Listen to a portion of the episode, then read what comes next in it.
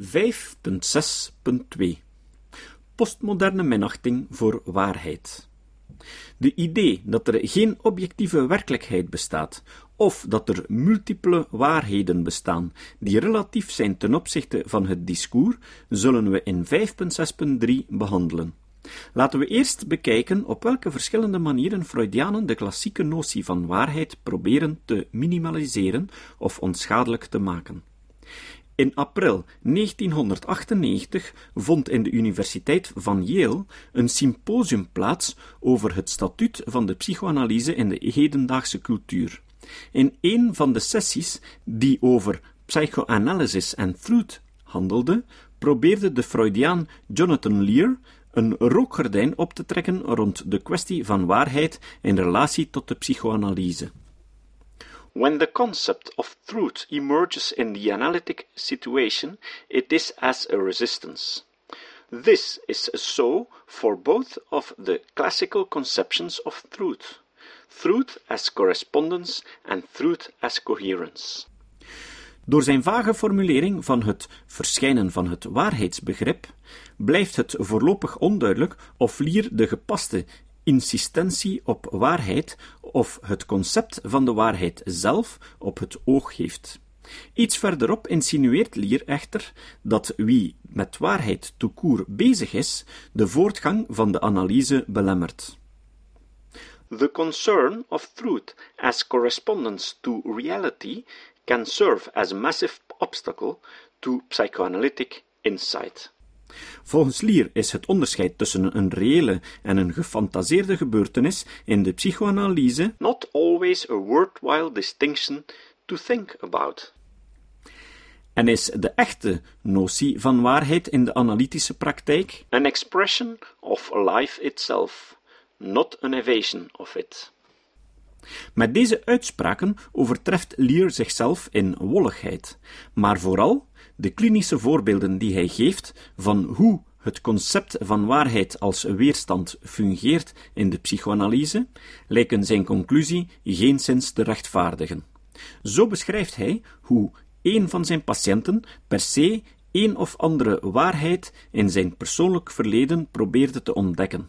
Volgens Lier omdat de patiënt op zoek was naar iets dat hem van zijn homoseksualiteit kon vrijpleiten.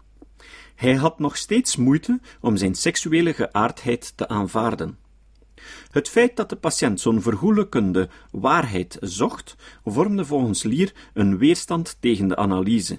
In tegenstelling tot wat Lier echter beweert, is het probleem met deze patiënt niet zozeer dat hij met de notie van waarheid op zich bezig is, maar dat hij die waarheid in een bepaalde richting wil sturen die hem schikt, en dat hij daarmee de werkelijke toedracht van zijn situatie, de waarheid dus, probeert te ontwijken met name dat zijn homoseksualiteit niet door een concrete extern historische gebeurtenis veroorzaakt is.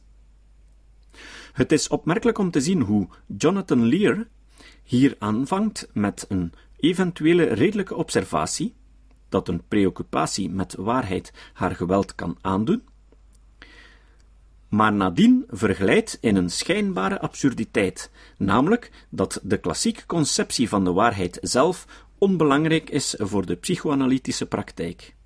Dat een patiënt een vermeende waarheid blijkt gefantaseerd te hebben, betekent gewoon dat de waarheid luidt dat de patiënt zijn verhaal verzonnen heeft, niet dat de waarheid er niet toe doet in de psychoanalyse. Ook de Freudiaan John Forrester neemt in zijn bijdrage aan het symptoom enkele loopjes met de waarheid. De waarheden van de psychoanalyse zijn volgens Forrester manifold and heterogeneous. En The analytic experience leaves little of substance to set down for the bookkeepers of permanent truth. Vervolgens probeert Forrester de notie van waarheid in het warrige net van de psychoanalytische overdracht te strikken all psychoanalytic truths, even those rendered as far as possible into the constitutive format of most scientific writing, pass via the performativity of the analytic dialogue. Overdracht, MB.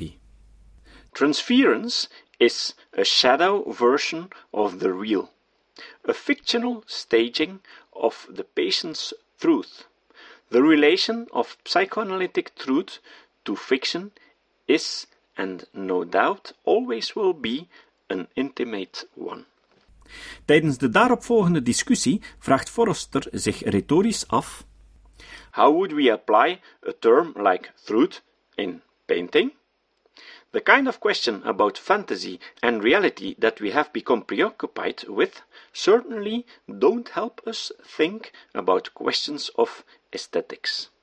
Terwijl hij druk bezig is het waarheidsbegrip achter een postmoderne mist te verduisteren, toont Forrester zich al even vergeetachtig als de hermeneuten. De psychoanalytische theorie staat of valt met een reeks empirische proposities over de werking van de menselijke geest, die net zo goed als elke andere psychologische theorie voor wetenschappelijk onderzoek vatbaar zijn. Nog steeds in hetzelfde symposium beweerde de Lacanienne Judith Butler dat de insistentie op waarheid een vorm van epistemic violence is. En tijdens een voordracht in New York in 1996 zei de psychoanalyticus Philip Bromberg dat de psychoanalyse werkt in een complex gebied van verschuivende werkelijkheden. En dat de houding van de psychoanalyticus ten opzichte van de patiënt derhalve altijd intrinsiek juist en onjuist is. Nog een laatste voorbeeld. De postmoderne psychoanalyticus Stephen A. Mitchell laakt in een artikel de arrogantie van sommige psychoanalytici die menen dat ze als een objectieve waarnemer toegang hebben tot de waarheid over de psyche van de patiënt. Na deze redelijke observatie, die ik in dit geval zelfs volmondig kan beamen, verglijdt Mitchell helaas in een ronduit absurde conclusie. There are no clearly discernible processes corresponding to the phrase in the patient's mind. For either the patient or the analyst to be right or wrong about, mind is understood only through the process of interpretative construction. Each school, each theory, each clinician organizes interpretations of unconscious dynamics in a particular fashion, and there are many, many plausible interpretations. Volgens Mitchell is de idee van een niet geconstrueerde realiteit in de psyche van de patiënt a dubious, increasingly anachronistic doctrine. Mitchell lijkt hier op dezelfde slippery slope als Lear te zijn beland. Net zoals Lear uit de observatie dat een preoccupatie met waarheid haar geweld kan aandoen, verkeerdelijk concludeert dat het concept waarheid zelf ongepast of irrelevant is in de psychoanalyse. Springt Mitchell in zijn kritiek ten onrechte over van arrogante aanspraken op waarheid naar de arrogantie van het concept waarheid zelf.